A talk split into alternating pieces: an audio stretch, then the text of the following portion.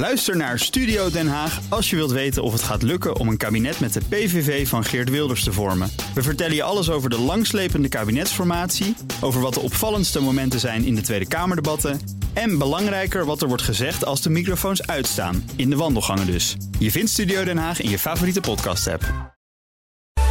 BNR Beter wordt mede mogelijk gemaakt door Novo Nordisk. BNR Nieuwsradio. BNR Beter. Jan Postma. Innovatie begint een steeds grotere rol te spelen in de zorg, maar nog niet iedereen staat er evenveel voor open. Hoe zorgen we ervoor dat alle artsen innovatie omarmen en ook kritisch beoordelen? Welkom bij BNR Beter, het programma voor mensen die werken aan gezondheid. Te gast bij mij in de studio Philip Idenburg en Vivian Dekkers van Be Bright en auteurs van Zorgenablers 2017 en Huip Sensen, chirurg en vicevoorzitter van de Federatie Medische Specialisten. Welkom allemaal. Dankjewel. Dankjewel. Ja, dank. Om dan uh, eerst eventjes te kijken naar uh, uh, Zorgenablers 2017, Philip Idenburg. Um, om de innovatie in de zorg eigenlijk een beetje te helpen. Hè? Is dat zo hard nodig? Uh, innovatie is, uh, er is overal innovatie in de zorg. De veranderingen in de zorg zijn, zijn, uh, zijn legitiem. Er zijn ongelooflijk veel veranderingen gaande. Maar tegelijkertijd zien we dat er een ontzettende gap is in de kennis over wat er aan technologie allemaal is bij bestuurders in de zorg, maar ook bij medisch specialisten. En omdat we zagen dat, nou, als we kijken naar wat er allemaal op ons afkomt en, en hoe dat de zorg zou kunnen bijdragen, omdat we dus zien dat juist bij die specialisten die kennis nodig is zij dagelijks met patiënten bezig zijn, wilden ze ondersteunen met zo'n toegankelijk boekje. Die elk jaar zal uh, geüpdate worden met alle nieuwe technologie die op hun afkomt. En Vivian Dekkers, hoe komt het dan dat, dat artsen blijkbaar niet zo op de hoogte zijn van de nieuwste ontwikkelingen? Uh, nou, artsen zijn natuurlijk gewoon dagelijks bezig met hun werk, met zorg voor patiënten. Daarmee, ja, en er is gewoon ook heel erg veel. Dus voordat je weet wat er allemaal is, ja, dat zorgt studies. En wij zijn -hmm. dagelijks in ons werk komen die voorbeelden tegen. En uh, hebben ervoor gekozen om hier een uh, uitgebreide inventarisatie van te maken. Maar en... ik dacht bij mezelf, artsen die, die worden zelf ook wel een beetje bijgespijkerd. Die gaan op cursussen, dus dit komt ook wel voorbij. Maar dat is dus niet zo. Uh, zeker niet op bepaalde gebieden. Waarschijnlijk vakinhoudelijk rondom medicatie of nieuwe technieken. Echt medisch gezien zeker wel natuurlijk. Mm -hmm. Maar over wat uh, de mogelijkheden vanuit de technologische wereld er zijn, meer voor consumenten. Daar, ja, daar moet je echt wel in geïnteresseerd zijn, wil je daarvan op de hoogte blijven. Ja, en dan ben je ook wel even bezig om inderdaad al die ontwikkelingen bij te houden, kan ik me voorstellen. Huip Sens, u bent zelf arts natuurlijk. Merkt u het zelf nou eigenlijk moeilijk om bij te houden? Ja, er gebeurt on ongelooflijk veel in de zorg. Er komen heel veel innovaties uh, elke dag bij. En wat denk ik nieuw is aan de huidige tijd, is dat er uh, heel veel innovaties van externe partijen komen. Zoals Apple, Google enzovoort. Die, die investeren massaal in gezondheidszorg. Dus komen ook massaal met, met, met innovaties. En dat gaat zo vreselijk hard. Uh, en dat komt op een nieuwe manier bij ons. daar waar we tot nu toe eigenlijk vernieuwingen in de zorg vooral uit wetenschappelijke artikelen halen en tijdschriften halen, zie je nu dat op een hele op andere manier er uh, vernieuwing komt. En daar moet je echt wel uh, speciaal aandacht voor hebben en bovenop zitten. Want het is dan als arts ook dus een beetje buiten je eigen beroepsgroep kijken, buiten de geëikte bronnen maar ook naar wat Apple te bieden heeft. Ja, dat denk ik wel. Uh, steeds meer patiënten komen ook met uh, allerlei wearables, met uh, polsbanden die dingen meten. Nou, en daarmee omgaan, dat moeten, we, dat moeten we denk ik voor een groot deel nog leren. Mm -hmm. En daar moeten we ook heel kritisch naar kijken. En ik denk dat juist medisch specialisten, die precies weten wat patiënten nodig hebben, juist samen met die patiënten moeten gaan kijken wat nou van meerwaarde is aan, aan al die nieuwe spullen die, die komen. Ja. en daarom roepen we ook in, dat, in dit, ons nieuwe visiedocument medisch specialisten 2025 op om uh, een cultuur te kweken binnen vakgroepen, binnen ziekenhuizen, uh, waarmee je uh, op een andere manier naar die innovaties kijkt en daar echt heel veel aandacht voor hebt. Ja, want daar wil ik wel eventjes wat meer over weten. Dat visiedocument, de medische specialist in 2025. hoe ziet die specialist eruit in 2025? Nou, die, die, die, dat, dat is een hele moderne, vakbekwame uh, dokter. Ik ben zelf uh, chirurg en ik denk dat een groot deel van het chirurgenvak hetzelfde zal zijn, maar ook heel veel zal anders zijn. En de belangrijkste dingen die wij denken dat anders is, is dat de arts-patiëntrelatie in die, in die tijd anders is. In de zin van dat je echt moet proberen op een holistische manier uh, naar de patiënt te kijken.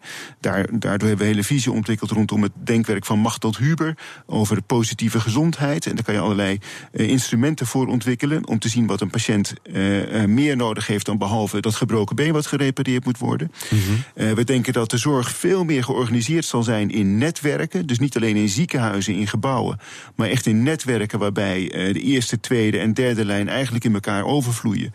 Kunt u daar een voorbeeld van geven? Wat, hoe ziet ja. zo'n netwerk er dan uit? Kijk, het mooiste voorbeeld wat we kennen is, is ParkinsonNet. Uh, in Nijmegen ontwikkeld door uh, professor Bas Bloem. Uh, waarbij de patiënt eigenlijk in een virtueel netwerk zorgverleners kan toelaten om zijn eigen zorg te regelen. Nou, die ontwikkeling zal op veel meer gebieden gaan plaatsvinden. Dat is dus echt rondom die patiënt. Maar als je kijkt vanuit de dokters, dan denken we dat dokters veel vaker vanuit het ziekenhuis ook naar de eerste lijn zullen gaan. Mm -hmm. of naar anderhalve lijn, zoals dat dan heet. en ik denk dat een werkweek van een medisch specialist er in 2025 echt anders uit kan zien dan die er nu uitziet. Ja, ja. en als we het hebben over die innovatie, waar zit dan het, het grootste verschil voor de arts? Is het de, de, nieuwe ontwikkelingen waar de patiënt mee omgaat, waardoor de patiënt veel meer informatie binnen kan halen? Of zijn het ook appjes en instrumenten die u als arts gaat gebruiken? Ja, ik denk allebei. allebei. Ik denk dat als, als je nu kijkt naar de gemiddelde consument met een, met, een, uh, met een smartphone en allerlei apps en wearables die daarbij horen, nou, die zullen we gaan integreren in onze praktijkvoering, in het, in, uh, het, het volgen van patiënten en het patiënten kunnen adviseren over hoe ze uh, hun, hun leefstijl kunnen aanpassen en hoe ze beter om kunnen gaan met, met ziekte.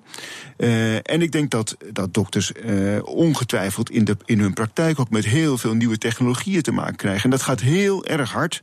En daarom moet je werken aan een cultuur waarin je die nieuwe technologieën snel kan beoordelen. Want, want er zit ook veel, je moet ook het kaf van het koren scheiden. Mm. Er, er, komen ook veel nieuwe spullen of nieuwe technieken die helemaal niet van waarde zijn voor patiënt en dokter. En dan moet je wel methoden ontwikkelen om die te kunnen testen. Uh, als ze goed zijn, moet je snel kunnen opschalen. Als ze niet goed zijn, moet je ze ook weer uh, recht ja, Meteen, uh, inderdaad, ja. dat moet wel duidelijk zijn. Philip Idenburg, de, de, kosten in de zorg stijgen natuurlijk. hoe gaat die innovatie, die nieuwe apps, hoe gaan die daar een rol in spelen? Gaan de kosten dan automatisch omlaag? Ja. Nee, niet automatisch. Sterker nog, we zien dat vaak het stapelen van technologie alleen maar tot kostenverhoging lijkt.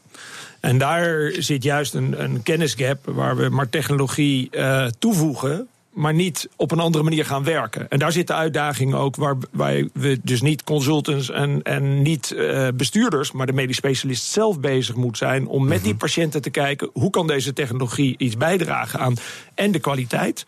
Niet alleen de medische uitkomst, maar ook in patiënt ervaren kwaliteit. En hoe kunnen we het doelmatiger maken? En dat vraagt ook een andere manier van werken. Dus technologie moet niet leidend zijn, maar daarom heet het ook als enabler om die zorg te vernieuwen. -hmm. En dat stapelen van technologie, mm -hmm. waar, waar, doelt u dat op? Nou, wat we zien is dat bijvoorbeeld in OK's, dat is wel interessant, als je kijkt naar OK's, er schijnt 20% van de technologie nauwelijks gebruikt te uh, worden. Dat Als staat er maar een beetje. Vaak, vaak voegen we nieuwe technologie toe, maar nemen geen afscheid van oude technologie. Dat is bijvoorbeeld iets. Maar ik zie ook heel veel van, en, en Vivian zei dat al, het kaf van het koren scheiden. Uh, uh, je, je moet uh, goed kijken naar voegt het echt iets toe. Mm -hmm. uh, in kwaliteit, in doelmatigheid uh, van de zorg. Ehm, en eh, hoe kunnen we dan op een andere manier gaan werken over de grenzen van het ziekenhuis? Ja, en Vivian Dekkers hoorde net ook al, het zit aan verschillende kanten, bij, bij de consument ook, bij de artsen. Op, op welk onderdeel van, van het proces zeg maar, kan nou de grootste stap worden gemaakt? Nou, ik denk dat uh, veel verantwoordelijkheid bij de patiënt zelf uh, gelegd kan worden. Dus, uh, Meer dan nu? Meer dan nu, ja. Dus patiënten kunnen zelf hun monitoring doen. Die, tenminste, ze kunnen in ieder geval heel veel zelf meten. Daar kan veel geautomatiseerd worden. Er hoeft echt niet iemand continu altijd in een bed te liggen... met een verpleegkundige of een arts erbij... die dat continu in de gaten houdt. Dus met name op het gebied uh, waar mensen thuis kunnen zijn, dus in een gezonde fase voor preventie of voorkomen dat je ziek wordt of zieker wordt. Uh, en na een behandeling uh, sneller naar huis en de monitoring thuis doen. Of mm -hmm. op die manier, daar zitten de grootste winst Echt te behalen. in de gaten houden. Ja, nou, het kunnen controleren, voorkomen van uh, verslechtering of vererging, ja. Ja, en als ik dan zo'n app uh, heb thuis of zo'n apparaatje... en, en dat, dat wordt dan ergens centraal wordt dat in de gaten gehouden... of is dat ook iets wat helemaal mechanisch gaat?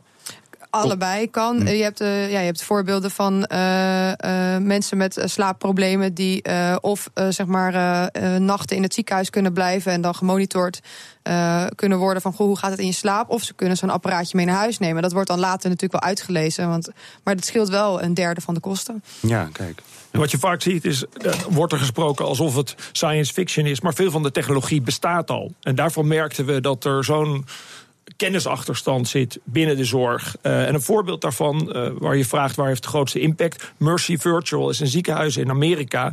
Waarbij ze merkten dat ze die kwetsbare ouderen. Die groeiende groep mensen met meerdere medicatie, met meerdere uh, chronische aandoeningen. Dat ze die bijvoorbeeld in een jaar 13 keer moesten opnemen. Maar vaak helemaal niets kunnen doen. Ze belanden in het ziekenhuis, in een bed, maar daar wordt hun leven niet noodzakelijkerwijs beter van. Mm -hmm. Door de inzet van technologie is het in tien jaar gelukt om 70% van die patiënten op afstand te monitoren, eerder in te grijpen. Dus niet te wachten tot er een complicatie opstreedt, maar eerder in te grijpen. En daarmee behalve de kwaliteit van hun leven, maar ook de kosten van de zorg dramatisch, drastisch te ver verminderen. Ja, en daar werken we met elkaar aan. Ja, uh, Huip Sense, um, het is een kennisding, uh, maar is het ook een beetje een mentaliteitsding? Ik ken de medische wereld ook als wel een beetje conservatief. Nou, ik ken de medische wereld als, als een geweldige wereld eigenlijk. Maar uh, daar, ik kan het conservatisme. Ik snap wel dat je dat van de buitenkant soms zo ziet. Maar als er ergens innovatie uh, veel toegepast wordt, dan is het ook juist wel binnen die medische wereld. Maar, maar we zijn uh, toch ook heel voorzichtig. We willen niet te veel experimenteren. Het moet niet fout gaan natuurlijk. Nee, maar terecht dat we natuurlijk heel voorzichtig zijn. Zeker wanneer het innovaties betreft waarmee je patiëntenzorg toepast. Dan moet je wel eerst echt een bewezen meerwaarde hebben. Dus je moet eerst echt laten zien of iets werkt in de praktijk, of het iets uh, betekent voor de patiënt, of dat het een operatie bijvoorbeeld makkelijker maakt. Uh, en niet alleen maar met iets gaan werken omdat het nieuw is. Uh, maar het klopt wel. Ik denk dat een cultuur binnen staf, binnen staven van ziekenhuizen, binnen vakgroepen, dat daar wel wat aan gewerkt kan worden. En wat is het dan wel in die cultuur wat anders kan? Wat anders kan is dat wij zijn nu bijvoorbeeld gewend in, in mijn vakgroep. Ik werk in het uh, Rode Kruisziekenhuis in Beverwijk en in Alkmaar. En in Beverwijk uh, hebben we regelmatig een refereeravond. En dan praten we over een artikel wat gepubliceerd is in een van de wetenschappelijke tijdschriften. En dan kijken we of de, het gepubliceerde materiaal meerwaarde heeft voor onze zorg. Dat doen we eigenlijk nog niet rondom een nieuwe app. Of rondom een nieuwe wearable. Of uh, rondom een, een nieuw product wat wordt beschreven in het boekje van, de, van, de, van Be Bright. Kijk, het, het gaat erom zien we alles wat er gebeurt. Dat, ja, dat zien we als het gepubliceerd is in wetenschappelijke tijdschriften. Maar zien we ook alle innovaties die vanuit andere kanten op ons afkomen? Uh, jawel, maar we doen er in de praktijk nog te weinig mee. In de zin van dat we het kritisch beoordelen en ook gaan toepassen als het mogelijk meerwaarde heeft. Ja, apps om je gezondheid te meten. Er zijn er wel duizenden van in alle maten en soorten. Maar we zeiden net al, hoe onderscheiden we nou het kaf van het koren? Daarover straks meer na de reclame. BNR Nieuwsradio. BNR Beter. Hey guys, it's Marissa. So today I'm just going to show you my favorite health and fitness apps. The best activity tracking apps just use the motion detectors built into your phone, and they don't require you to purchase any additional hardware. They also make it easy to set and monitor goals that work for you and motivate you along the way with timely information about your progress. Deze aflevering van Happy Tech Talk hebben we het over tech waardoor je beter voor jezelf gaat zorgen. In deze video laten we je zien hoe je je voeding bijhoudt met S-Health. Ja, je hoort het. Er zijn heel wat uh, apps uh, om je hartslag te meten, je beweging te volgen, je eten bij te houden, je slaap te meten, noem het allemaal maar op. Honderden van dit soort gezondheidsapp-apps. Maar hoe weet ik nou welke werkt en welke niet? Daarover praat ik verder met mijn gasten, Philip Idenburg en Vivian Dekkers van Be Bright en auteurs van Zorg Enablers 2017. En Huip Sense, chirurg en vicevoorzitter van de Federatie Medische Specialisten. Uh, Vivian Dekkers, laat ik even eerst naar jou toe gaan. Er zijn ontzettend veel mogelijkheden. Uh, hoe kunnen we nou dat kaf van het koren, waar we het net al over hadden, hoe kan je dat nou gaan doen? Uh, ja, goede vraag. Ik uh, denk dat zijn, er zijn twee routes. Eén ding, gewoon weten wat er is, in de gaten houden wat er is, ook zien wat anderen doen, openstaan voor hoe andere bepaalde oplossingen al hebben toegepast.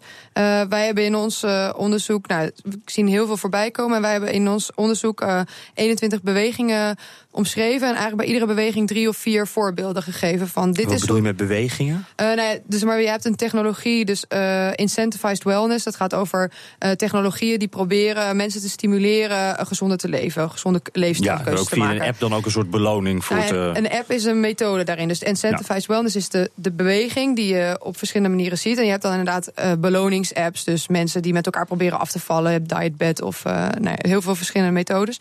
Um, en die voorbeelden die laten dus zien hoe, ander, hoe het ergens anders werkt. Um, en da daar moet je voor openstaan en daar kan je in zoeken. En op het moment dat je ziet dat er ergens iets mogelijk is, ga ook met elkaar om de tafel zitten met een technologieontwikkelaar. Of hoe kunnen wij.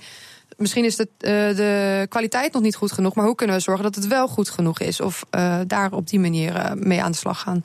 Ja. Dus met elkaar, met, en wat Huip al eerder aangaf, met patiënt en medisch specialisten of medici samen gaan zitten. Ja, want Huip Sensen, dan, dan hoor ik ook de ontwikkelaar erbij betrokken worden. Is, is dat iets waar u als arts voor open staat? Ja, zeker. Ik denk dat dat uh, heel erg belangrijk is. Dat je samen met patiënten en ontwikkelaars uh, rond de tafel gaat zitten en gaat kijken wat nou echt de ontwikkelingen zijn die de zorg beter kunnen maken. We pleiten in het, in het visiedocument ook voor een zogenaamde CMIO. Er zijn al ziekenhuizen die dat hebben, een Chief Medical Information Officer. Maar daar kan je natuurlijk ook een Innovation Officer van maken. Ja, dat is net zo makkelijk. Ja, ja. En, en, en het werkt echt als er iemand is, net zoals dat is rondom kwaliteit. Heel veel ziekenhuizen hebben iemand die zich specifiek bezighoudt vanuit de medische staf met kwaliteit van zorg, wat heel erg goed is. Maar uh, je zou ook iemand kunnen, kunnen aanwijzen die zich bezighoudt met innovaties. Die zich bezighoudt met, uh, en vaak gebeurt het al in, in allerlei uh, commissies die zich bezighouden met het nieuwe EPD wat er moet komen. Uh, maak zo'n commissie ook verantwoordelijk voor innovaties. Kijk naar mm -hmm. wat je kan toevoegen aan je zorg om uh, patiëntenzorg beter te maken. Ja, nou ben ik misschien iets te regulerend hierin, maar ik denk dan bij mezelf, we moeten toch, het zou toch handig zijn om iets centraals te hebben, een soort keurmerkje of zo. Dat, je, dat elke arts in Nederland en ook elke consument weet van deze app, daar kan ik wat mee. Is dat een idee of maak ik het nu te ingewikkeld? Nou, dat wordt ongetwijfeld heel erg ingewikkeld. Maar wat je vooral moet doen, is denk ik criteria opstellen aan de hand waarvan je een app kan beoordelen. Of waar, aan de hand waarvan je een, een wearable kan beoordelen. En als die dan ergens inderdaad goed geïntroduceerd is en het werkt goed en het is getest, dan ben ik het helemaal mee eens. Dan moet je dat zo snel mogelijk uh, uh, zien uit te rollen in de, in de rest van het land. Mm -hmm. en maar u ziet wel uh, een, een sleutelrol voor de arts hierin, als ik het zo ja. hoor. Die, die moeten dit gaan doen. Ja, niet, niet alleen. Het moet echt samen met patiënten en ook samen met die ontwikkelaars. Maar eh, artsen moeten daar absoluut bij betrokken zijn en kunnen daar ook leidend in zijn. Mm -hmm. uh, zeker omdat artsen uh, vaak aan patiënten adviseren wat, uh, wat ze moeten gaan doen. En misschien ook kunnen gaan adviseren van nou, als u deze aandoening heeft, dan moet u deze app nu installeren. Dan kan ik u via die app volgen in, mijn, in mijn systeem. En dan, dan kan je daar afspraken over maken. Dus daar heb je echt artsen voor nodig. Ja, Philip Idenburg lijkt me duidelijk dat er artsen voor nodig zijn. Maar er komt ook wel een soort dagtaak bij dan. Moet daar niet iets breders georganiseerd worden? Nou, daar denk ik wel dat je de medisch specialisten moet ondersteunen om te beoordelen welke data, welke apps, welke nieuwe technologie voegt echt iets toe in de kwaliteit. Uh, mm -hmm. Dat is één kant. Want er is een terecht gevaar waar iedereen zegt: leuk dat die technologieleverancier zich op die consument richt.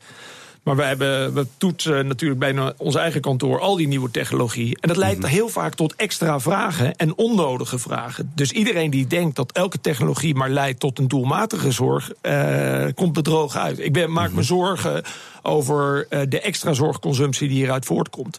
En daarom is die samenwerking tussen patiëntenorganisatie, medisch specialisten zo belangrijk. Om mm-hmm. samen met de wetenschap te onderzoeken hoe kunnen we het zo inrichten dat het de doelmatigheid bevordert, maar niet alleen maar tot hogere zorgconsumptie gaat leiden. Ja, want wat voor soort uh, vragen komen nou, er dan boven? Waar, waar, bent u bang voor? Nou, mooi was uh, een paar jaar geleden al dat ik mijn hele team s ochtends op maandagochtend zei: Nou, we doen eens even een bloedtestje en we gaan eens even kijken naar de uitslag.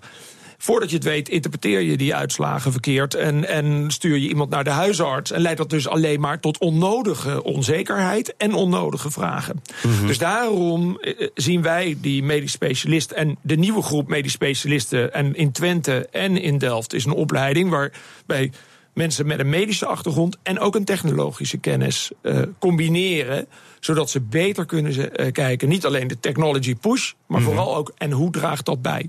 Voor Ja. die patiënt, voor de zorg en de doelmatigheid. Ja, want die patiënt die heeft ook wel wat extra begeleiding nodig daarin, denk ik. Dat, dat lijkt me wel lastig als arts om daarmee om te gaan. Ja, dat hangt natuurlijk heel erg af van de kennis en vaardigheden van de patiënt. Eh, Elk, voor elke patiënt weer anders. Dat is, dat is echt voor elke patiënt anders. Ja, maar dat is wel echt iets om naar te kijken. Toen, we- toen we het, het, docu, het, het visiedocument aan het maken waren, hebben we een hele ronde tafelgesprekken gehad. eh, onder andere over innovatie. En daar waren de patiëntenverenigingen eh, uitgebreid bij betrokken. En die waarschuwden precies ons voor dit punt.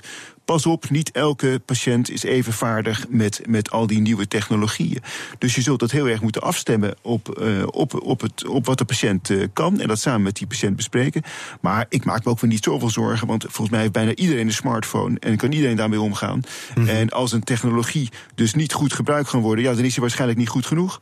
Ja, zo makkelijk is het dan ook. Ja, dat- maar er zijn ook veel, veel oudere gebruikers natuurlijk. Als je wat ouder bent, dan word je ook wat sneller ziek. Dan lijkt me zo'n appje dan wel weer ingewikkeld. Ja, maar ik begrijp dat de, de, de grootste toename van Facebook eh, onder ouderen zit. Oh ja, ik, ik, de- althans, dat eh, geloof ik dat dat eh, was gehoord. Nou, de jongeren zijn er weer een beetje van afgelaten. Die Dus misschien dat het daardoor beetje komt. Ja. Dus, ehm, Maar, kijk, maar je zegt, het, het, ze kunnen het best wel. Laten we daar niet Ja, te moeilijk over ik, doen. Ik denk dat dat zeker kan. En als het ingewikkeld is, dan moet je het makkelijker maken. Dat is nou juist het, het mooie van de, al die nieuwe technologieën. Mhm. Ja, en, en het werd net ook al een beetje genoemd die- om die nieuwe innovaties eh, eh, te, te kunnen begrijpen. We moeten misschien ook wat in de opleidingen gaan doen. Eh Philip Idenburg, hoe, hoe, zouden we dat kunnen gaan doen? Nou, er zijn twee nieuwe opleidingen, dus, eh, waar ik net al even aan refereerde.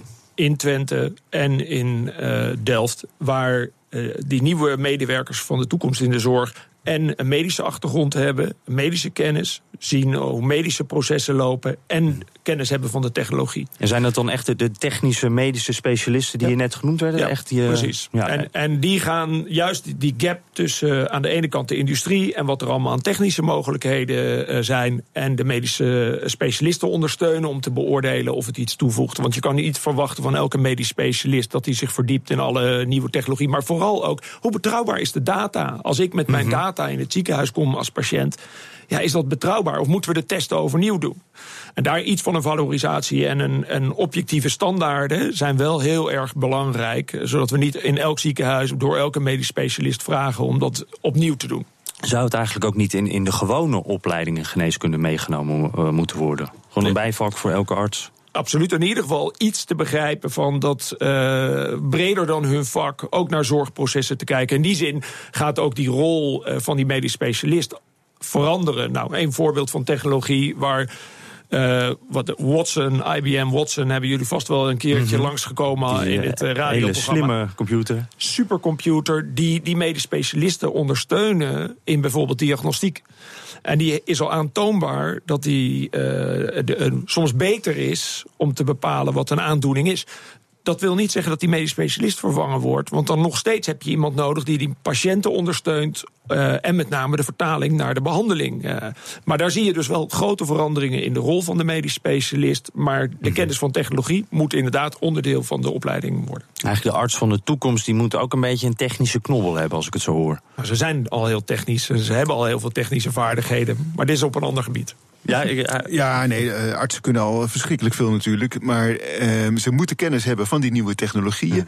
Ik denk niet, kijk, eh, niemand, niemand begrijpt eh, zijn, zijn eigen smartphone of zijn, of, of zijn tv, zeg maar. Dat, dat hoeft nou ook alweer niet. Maar je moet wel kritisch kunnen oordelen over ehm, eh, innovaties en over apps en dergelijke. Om, om te kijken of ze echt wel toepasbaar zijn. En als, als dat gebeurt, dan blijkt er toch nog wel heel veel kaf tussen het koor te, te zitten. En daar moeten we een goede methode voor ontwikkelen om die te kunnen scheiden.